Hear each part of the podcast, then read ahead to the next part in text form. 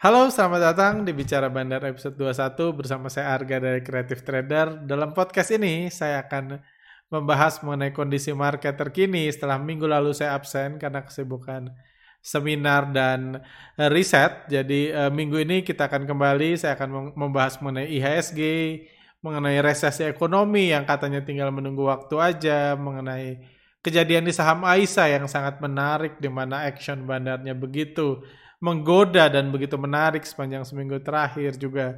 Oh ya ada update tentang Bapak Lokeng Hong di saham BMTR dan dan banyak lagi seperti itu. Oke, mari kita langsung mulai. Oke, uh, langsung aja. Ini pergerakan IHSG seminggu terakhir seperti kita lihat IHSG terkoreksi uh, dalam seminggu terakhir ini Koreksi ini seperti uh, hampir semua koreksi umumnya di IHSG disebabkan oleh asing yang memutuskan untuk menurun, menurunkan IHSG investor asing karena aksi jualnya yang besar sepanjang minggu lalu. Pembahasan ini nanti akan kita bahas di akhir karena ada banyak hal menarik yang menurut saya mungkin ada baiknya Anda ketahui untuk uh, keperluan analisa dan investasi Anda dalam at least seminggu ke depan. Seperti itu. Uh, sedikit dulu update tentang COVID-19. Ini data 5 September dari kawal COVID. Rata-rata tujuh hari terakhir uh, yang kena itu uh, ininya uh, positif rate-nya rata-ratanya 3067. Trennya semakin lama semakin membesar. Jumlah orang yang diperiksa pun memang nambah ada 16.712 rata-rata tujuh hari terakhir. Jadi nambahnya memang signifikan. Tapi tetap aja positif rate-nya pun masih terus meningkat.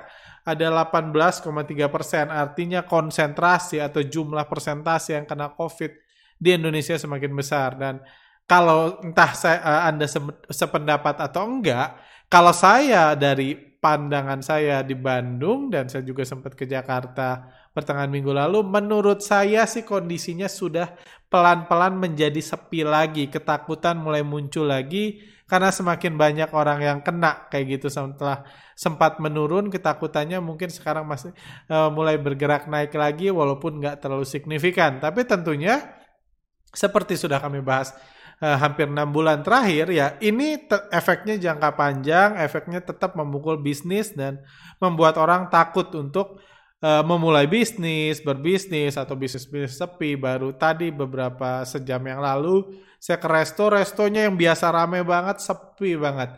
Uh, ini padahal weekend gitu satu resto di dekat tempat saya yang biasanya rame sepi banget di weekend jadi itu realita yang ada di mana ekonomi tampaknya masih terpukul kejatuhan ekonomi ini uh, juga di ini dengan statement apa ya banyak pemberitaan dua minggu terakhir yang katanya Indonesia akan mengalami resesi bahkan Manfut MD bilang uh, RI 99,9% akan resesi. Resesi ini banyak saya banyak banget ditanya tentang gimana nih kalau Indonesia resesi. Gimana nih kalau oh, efeknya apa ke bursa saham dan lain-lain dan uh, jujur bagi saya resesi itu cuma angka ya. Resesi itu cuma angka yang selain bagi para akademisi buat buat skripsi atau para komentator saham, bagi orang normal itu enggak atau bagi politisi yang mungkin berguna untuk mengha apa ya bagi politisi yang untuk mengkritik pemerintahan atau membandingkan resesi di Indonesia nggak separah itu sebenarnya bagi orang di dunia bisnis dunia kerja resesi itu cuma angka resesi itu hasil dari dua kuartal yang pertumbuhan ekonominya negatif. Cuma itu. Apa bedanya resesi buat uh, ekonomi? Ya nggak ada. Menurut saya setelah keluar data resesi bukan berarti orang jadi nggak pengen jualan atau nggak butuh makan atau nggak pengen belanja kan nggak ada. Ya memang resesi itu adalah gambaran dari kejadian yang kita lihat dalam enam bulan terakhir. Cuma itu aja. Cuma itu aja dampaknya. 6 bulan terakhir kita tahu ekonomi lesu, lockdown, tadi saya baru bilang tempat-tempat sepi, orang ketakutan kena COVID dan lain-lain, itu menyebabkan kejatuhan ekonomi. Itu menyebabkan banyak orang di PHK, itu menyebabkan uh, hal-hal terjadi, uh, ya banyak orang di PHK, banyak orang bisnisnya sepi dan lain-lain. Itulah yang itulah ke kekacauan ekonomi itu yang yang penting resesi cuma angka. Cuma angka. Oh ini dua kali negatif resesi. Apakah market akan negatif atau positif? Ya tergantung asing, nggak ada hubungannya sama resesi. Karena pada akhirnya ini cuma angka di masa lalu, di kuartal 2, di kuartal 3 itu cuma angka. Nggak, nggak menjelaskan bahwa hanya karena ini resesi, nanti sampai akhir tahun Indonesia akan tambah miskin, ya nggak menjelaskan itu. Yang penting adalah sekarang gimana penanganan COVID, gimana menghidupkan ekonomi, eh, eh, atau sampai kapan vaksin ditemukan. Itu kalau ngomong ekonomi. Jadi saya pribadi nggak takut apa-apa sama resesi. Saya ditanya orang pun saya bilang ya resesi itu cuma angka. Nggak ngefek apa-apa. Hanya karena resesi bukan berarti orang yang tadinya kerja keras, banyak kerjaan, wah jadi wah resesi ini lu dipecat ya enggak gitu. Masalahnya sudah ada, masalahnya belum ditangani, resesi atau enggak itu enggak ada bedanya, apalagi buat pergerakan IHSG. Tapi eh, Apalagi kalau diumumkan eh, resesi akan membuat IHSG jatuh kayak gitu nggak ada hubungannya. IHSG jatuh atau naik itu murni keputusan asing. Kita nggak uh, data resesi nggak ini. Dan tapi di sisi lain seperti yang saya juga bahas dalam ini uh, dalam sebulan terakhir uh, yang juga saya sering bahas dalam sebulan terakhir bahwa bukan sebulan sorry dalam podcast podcast kami sebelumnya 3-4 bulan terakhir bahwa di sisi lain resesi sebenarnya memberikan indikasi positif buat IHSG bukan resesi ya resesi kembali lagi cuma angka kejatuhan ekonomi yang sedang terjadi saat ini dan masih terjadi itu memberikan indikasi positif buat memberikan efek positif bukan indikasi efek positif bagi IHSG. Kenapa? Ini data yang uh, baru saya olah uh, kemar uh, yang saya tampilkan kemarin di seminar workshop bandarmologi buat para alumni, khusus alumni bandarmologi, workshop bandarmologi ini normal. Ini data pertumbuhan akun saham di BEI per bulannya. Ini average 2019, bulan Juli eh, tambah akun 31 ribu, bulan Agustus 20 ribu, September 33 ribu, dan seterusnya. Jadi rata-rata uh, uh, 2019 di 30 ribuan. Bursa saham sempat jatuh dalam uh, kepercayaan terhadap bursa saham ketika uh, ada kriminalisasi bandar atau yang uh, kalau orang awam mendengarnya jiwasraya di mana bandar yang selama ini berperan uh, uh, sangat baik dan mengatur pergerakan harga saham tiba-tiba dijatuhkan di krisis jiwasraya satu dinasti bandar jatuh jadi jatuh juga kepercayaan investor terhadap bursa saham juga terhadap uh, reksadana karena ya bandarnya jatuh wajar lah sahamnya dijatuhin semua kan. Jadi itu itu yang terjadi itu sempat menakutkan sampai bulan Februari.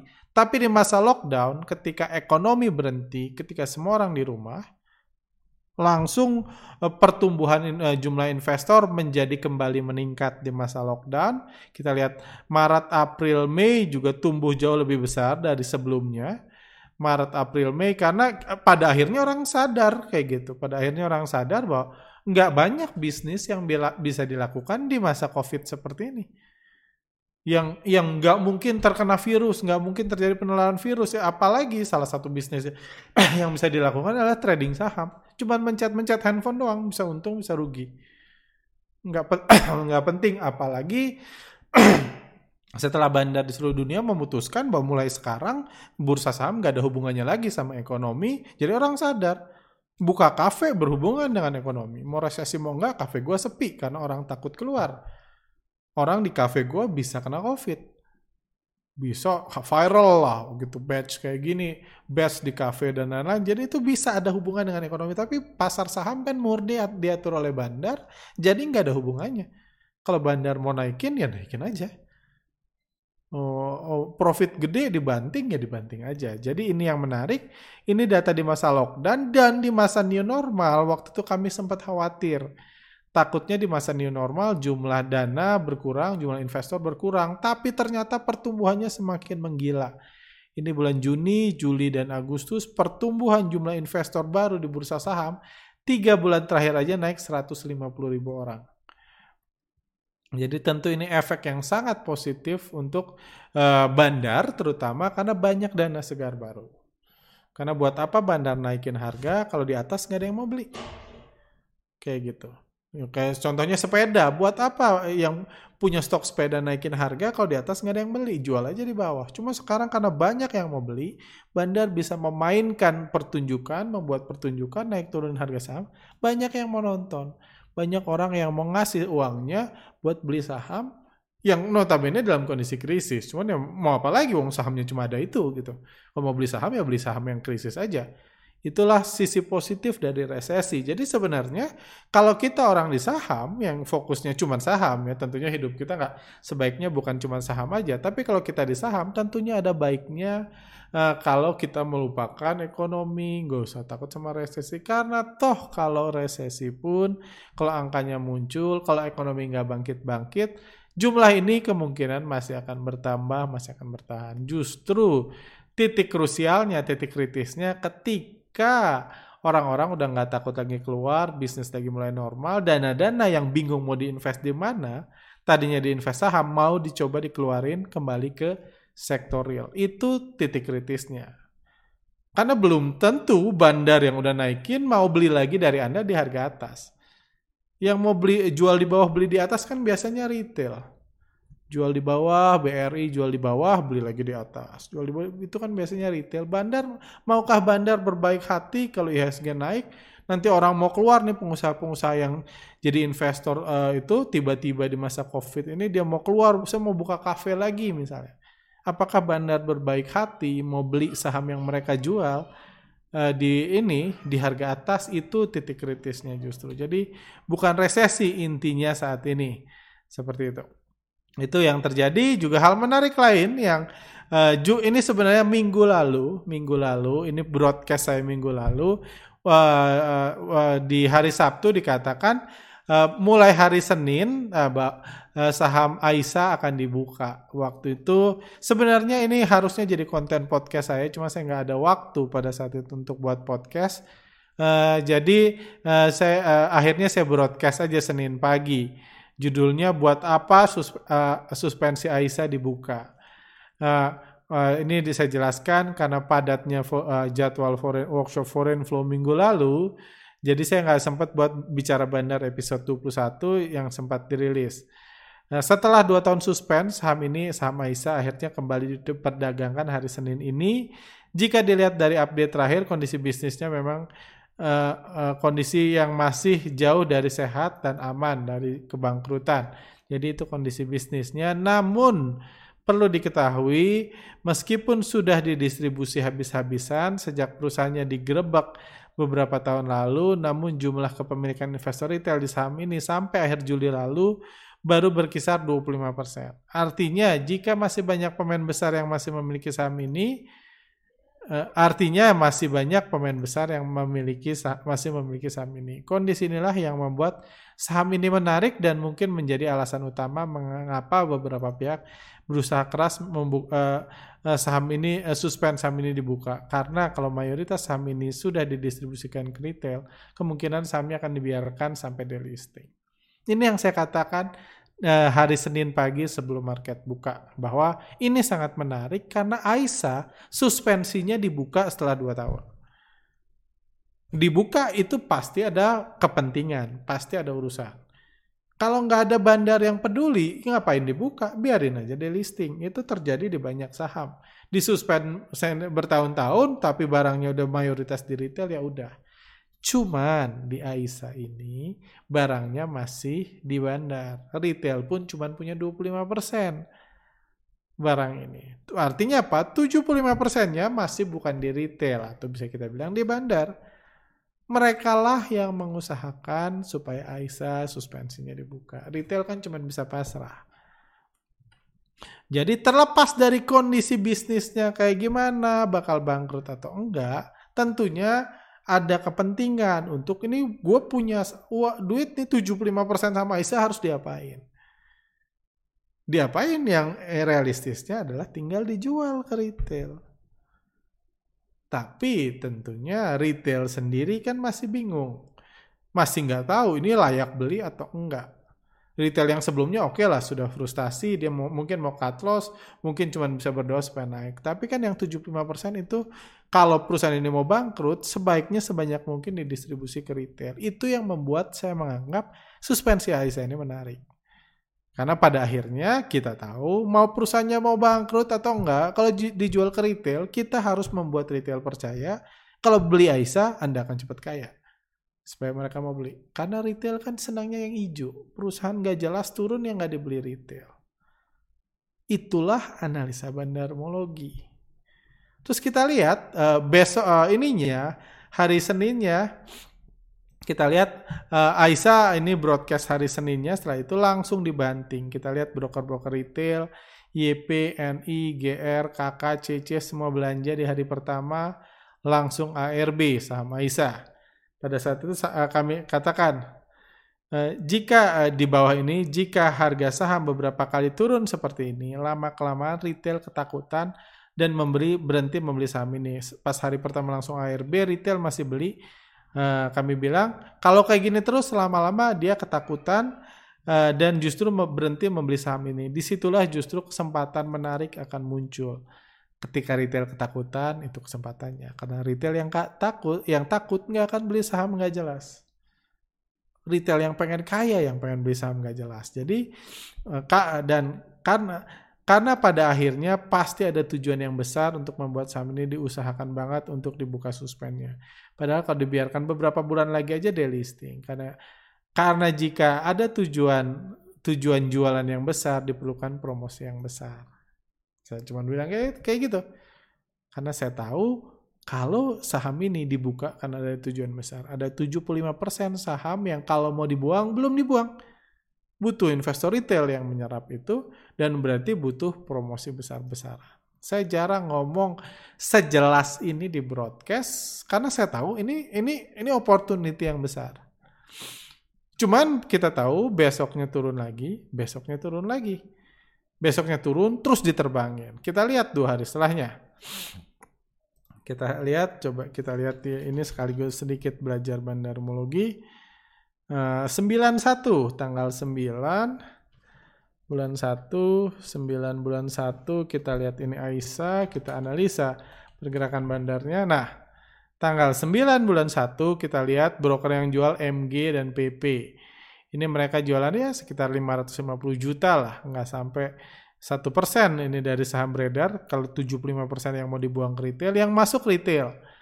IEP beli, CC beli, PD beli, DH beli, OD beli, NI beli, KK beli, broker-broker retail yang selalu saya bahas masuk. Berarti di titik ini, Bandar masih berhasil jualan Aisyah. Kita lihat di titik ini jualan ke 92 tanggal 2 tanggal 2 September sebelum Aisyahnya terbang. Kita lihat YU jualan RS jual yang yang jualan masih broker-broker bandar lah masih broker bandar. Yang beli CC ya bisa dibilang retail YP retail. Tapi ada kredit Swiss beli 30 ribu lot. Ini nggak mungkin retail PD, ada MU bukan retail, YB bukan retail, PF. Jadi kalau di sini kita lihat di titik ARB sebelumnya, setelahnya ini retail sudah berkurang. Volumenya pun Anda lihat dua hari ini udah terus turun transaksinya.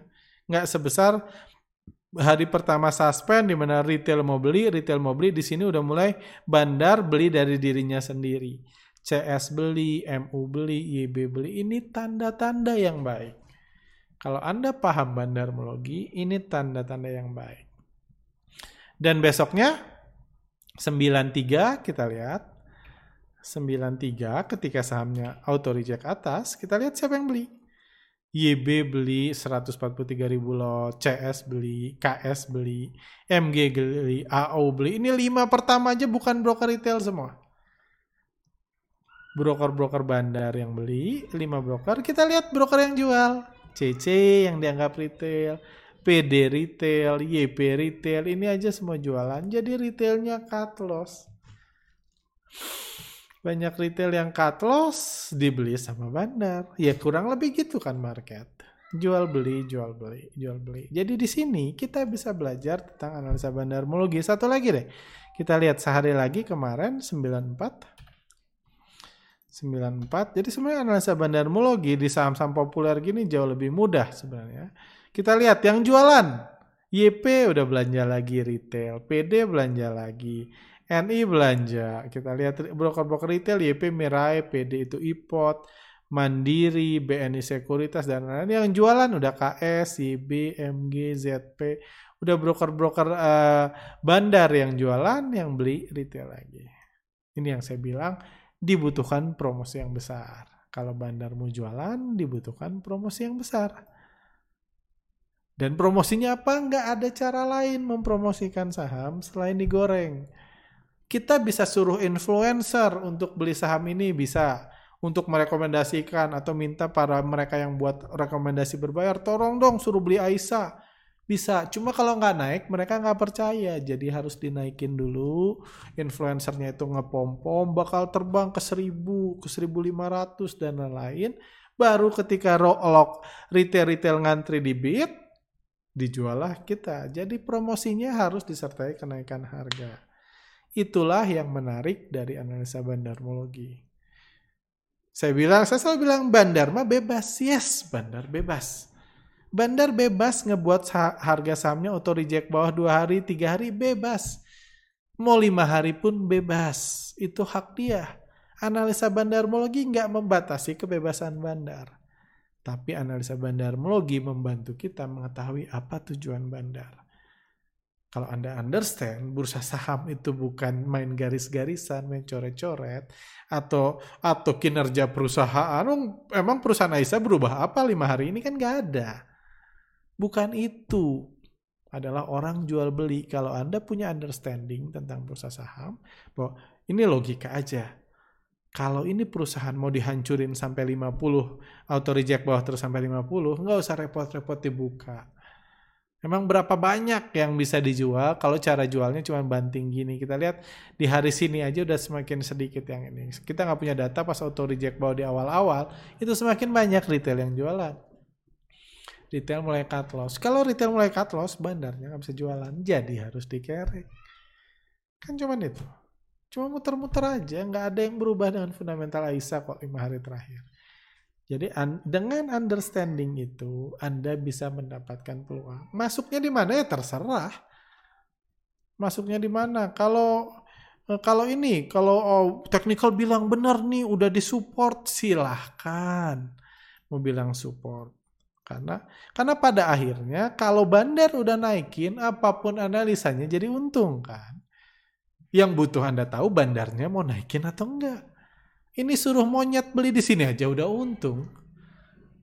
Monyet suruh pencet buy di sini udah untung. Nggak usah pakai support, nggak usah pakai resisten, nggak usah uh, analisa uh, gimana masa depannya, gimana masa lalunya, nggak usah anda nggak butuh melakukan itu semua. Kalau bandar mau naikin ya semua untung. Masalahnya kita harus tahu bandarnya mau naikin atau enggak. Karena nggak peduli sebagus apa pun perusahaan, kalau bandarnya nggak naikin ya tidur. Stay aja lu di situ. Gua nggak mau naikin, kan gitu. Setelah naikin, dia akan break resisten. Gitu. Wah, udah break resisten. Anda bisa buat Fibonacci setelah bandarnya naikin. Jadi yang penting adalah kita understand apa yang diinginkan bandar, apa yang dilakukan bandar. Kalau bandar lagi entry-nya apa? Kita lihat ketika kan ini kan dari awal kita bilang, saya bilang uh, retail lama-lama nggak akan mau kalau harganya auto reject terus. Dan kita lihat di akhir ini retail udah mulai nggak mau. Jadi kurang lebih seperti itu analisa bandarmologi. Oke lanjut, oh, ada update menarik juga yang ini bahwa uh, di tanggal 30 September 2020 nanti rencananya mau right issue di harga 2200. Jadi dia mau nginjek dana sebesar 1,2 triliun kalau nggak salah di harga mau nginjek 12% dari saham. Ini menarik, kenapa? Karena kita nggak tahu, ini tujuannya right issue, kita masih bisa punya waktu cukup banyak untuk menyimpulkan sampai rapat umum pemegang saham 30 September, tujuannya apa? Apakah mau nyerap dana investor retail? Maksudnya distribusi sebanyak mungkin supaya investor retail mau nggak mau harus beli sahamnya di harga 200. kayak gitu. Jadi kan uh, karena ya udah daripada terdilusi 12% kan, beli sahamnya di harga 200, jadi dia nyerap uang investor retail, kalau itu yang terjadi akan dijual sebanyak mungkin ke retail. Atau retailnya mau dijebak, harganya dibuat jatuh, sehingga investor retail nggak beli right issue-nya, dikumpulkan oleh orang yang mau masuk ke AISA standby buyer. Kita lihat, ini masih terlalu dini, kita masih tanggal 5, masih tanggal 6 September, ke depannya kita akan semakin mengerti apa rencana di balik right issue ini yang pasti yang sudah disimpulkan adalah memang serius. Ini delisting dibuka karena ada tujuan besar yang terlaksana itu yang sama, seperti saya bilang dan tujuan yang besar menjual barang dalam jumlah besar harus disertai promosi yang besar. Silakan Anda putuskan sendiri kurang lebih Anda seperti akan seperti apa. Hal lain juga yang menarik adalah uh, ini ini sebenarnya pembahasan dua minggu lalu cuma karena kembali lagi saya sibuk saya nggak sempat share di uh, di video kami tentang Lokeng Hong saya katakan waktu itu 7 juta lot saham yang dibeli Lokeng Hong itu dibeli langsung dari grup MNC. Jadi Lokeng Hong bukanlah investor retail lagi, tapi sudah jadi apa influencer atau brand ambassador bagi MNC. Dia beli di harga murah sebanyak 7 juta lot dan bukan cuma itu yang membuktikan tambahan sekarang status 7 juta lot yang dibeli itu itu sudah diblok berdasarkan client request. Ini data yang kami ambil dari BEI. Ini saham udah nggak boleh dijual. Artinya apa? Lokeng Hong boleh dikasih di 7, 7 eh, juta lot, dia dikasih saham, dia masuk dalam arisan bandar sekarang, tapi dia nggak boleh jualan. Jadi Rokeng Hong sekarang sudah jauh dari investor retail yang bebas beli kapan aja, jual kapan aja, atau yang setiap beli sahamnya turun, setiap beli setiap turun harganya dia beli, dia beli kayak Sultan Panjang Sabar, strategi yang biasa dia lakukan. Lokeng Hong udah jauh dari itu sekarang. Dia cuma bagian, dia jadi brand ambassador, walaupun harganya naik dia nggak boleh jualan. Sudah diblok sahamnya. Karena ya saya percaya itu bagian dari perjanjian lu boleh jadi brand ambassador, harganya mungkin akan dinaikin di atas 200, itu dealnya, Anda kasih uang segini, mungkin nanti kita goreng-goreng sahamnya, tapi Anda nggak boleh jual, misalnya dalam tiga tahun ke depan. Jadi ini hal baru, ini memang kita memasuki pasar new normal, di mana semua baru, bahkan seorang yang dulu ngomongnya fundamentalis pun, sekarang dia sudah mulai bergerak menjadi bandar, bukan menjadi copet. Dulu dia copet panjang sabar, sekarang dia mulai menjadi bandar atau at least jadi bagian dari bandar. Sesuatu yang sudah kami prediksi dalam uh, efek uh, dalam dalam uh, uh, pembahasan kami tentang BMTR beberapa minggu yang lalu. Saya juga tadi lihat uh, grafik BMTR, kita lihat selama kejatuhannya, kejatuhan BMTR, misalnya setelah digoreng-goreng, misalnya 824 sampai hari ini 94, 824 hari ini kita banyak uh, uh, pakai analisa bandarmologi BMTR kita lihat broker-broker yang beli ada YP uh, Mirai Aset SQ BCA DH NI BNI Sekuritas KK Philips CC Mandiri. Jadi broker-broker retail berhasil membeli BMTR di harga lumayan atas di average 310-an. Jadi tentunya ini efek positif setelah menyewa brand ambassador sekelas Lokeng Hong. Jadi kita tahu sebelum Lokeng Hong masuk harganya di sini. Di 200-an. Ini yang terjadi di BMTR, udah itu dikerek naik, dikeluarin berita, dikeluarin foto Lokeng Hong masuk, dibilang masuk seakan-akan Lokeng Hong itu copet kayak kita, dia melihat opportunity BMTR murah dia masuk. Padahal kenyataannya sepertinya bukan itu, dia simply ditawarin untuk masuk, untuk jadi brand ambassador, supaya apa? Supaya setelah digoreng, harga sahamnya ke sini, bandarnya bisa jualan ke retail-retail yang sekarang sudah percaya. Kalau Lokeng Hong aja masuk, kan meskipun dituntut palit, pasti fundamentalnya bagus. Jadi mereka bisa kerek naik, jual di atas. Itu juga tentunya jadi win-win solution. Buat Lokeng Hong beli di 200 sekarang 290 udah untung. Boleh-boleh jualan sih gitu. Cuma kan udah untung, dia udah happy. Apalagi mungkin mereka punya rencana lebih besar, mungkin dinaikin lebih banyak. Apalagi kita tahu retail mau udah mau beli di harga atas udah mau beli di harga atas seperti itu. Jadi let's see ini masih tetap jadi saham menarik menurut saya langkah uh, jenius yang dipakai untuk menjadikan Lokeng Hong sebagai brand ambassador dari BMTR ini tentu punya bisa jadi punya implikasi besar. Tapi at least sebagai kita-kita ini alasan lain bahwa memang metode-metode zaman dulu kayak value investing dan lain-lain mungkin sudah kurang relevan lagi lah di zaman seperti ini karena Lo Keng Hong sendiri sudah nggak menggunakan itu kayak gitu. Nah, terakhir tentang IHSG eh, kita tahu ada kejadian seminggu terakhir IHSG bergerak negatif terus bergerak negatif kayak gini sempat uh, ada uh, turun banyak sempat ada outflow tiba-tiba. Itu yang menarik terjadi di sini uh, terjadi pada uh, ini pada pada hari tanggal 31 Agustus lalu di sini.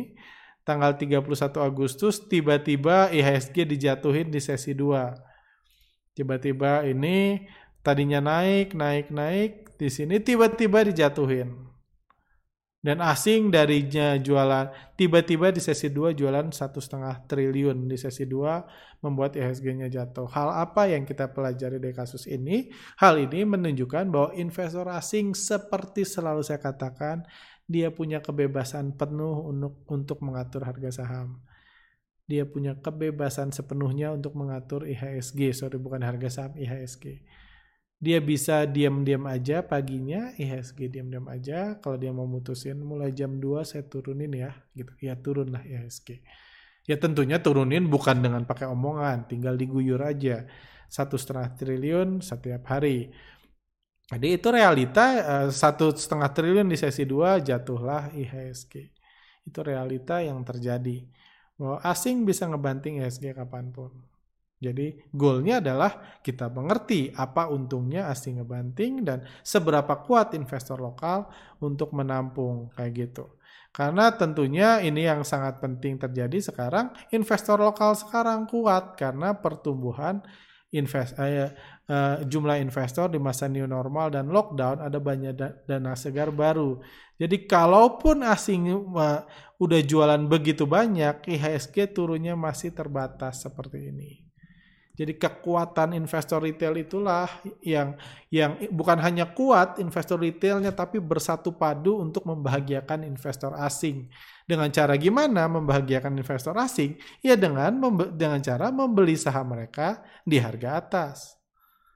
Mereka beli di bawah, jual di atas ya happy mereka. Mereka happy kayak ini yang yang bahasan kami tentang BRI ini uh, seminggu lalu lah kurang lebih kami mengatakan investor asing uh, lagi profit taking semoga lokalnya kuat. Karena kita tahu investor asing beli dari bawah sini beli di bawah sekarang lagi jualan di atas nih. Lagi jualan di atas. Ketika asing jualan butuh lokal yang beli dan butuh lokal yang kuat bersatu padu supaya harganya nggak turun banyak supaya asing bisa jualan di harga tinggi jadi cuan asing banyak itu buat investor asing happy dan berharap setelah investor asing happy dia masuk lagi naikin BBRI lagi. Jadi memang bagi rekan-rekan yang memang nggak suka analisa foreign flow ini waktu Anda untuk membuat investor asing happy sambil tentunya berdoa. Karena bisa aja kalau investor asingnya happy sebelum buyback dia jatuhin dulu kita udah lihat contohnya, asing mau jatuhin bisa at any time, bisa detik apa pun asing jualan. Tapi tentunya ya kalau orang nggak mau ngikutin asing ya berharap kebaikan asing. Kan cuma dua itu pilihannya kalau kita main di saham yang di bandari asing. Berharap kalau asing ini kan udah jualan setengah nih.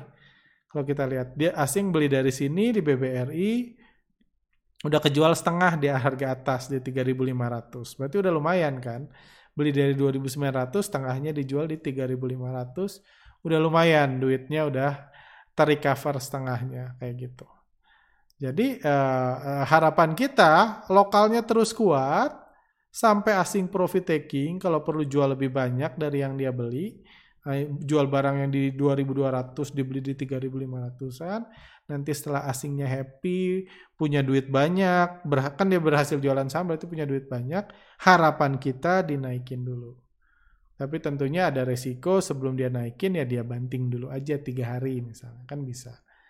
Dibalikin dulu misalnya ke 2.900 gitu. Setelah dia jualan kenyang di 3.500 dibanting 2.900 terus naikinnya di 2.900. Itu murni terserah asing.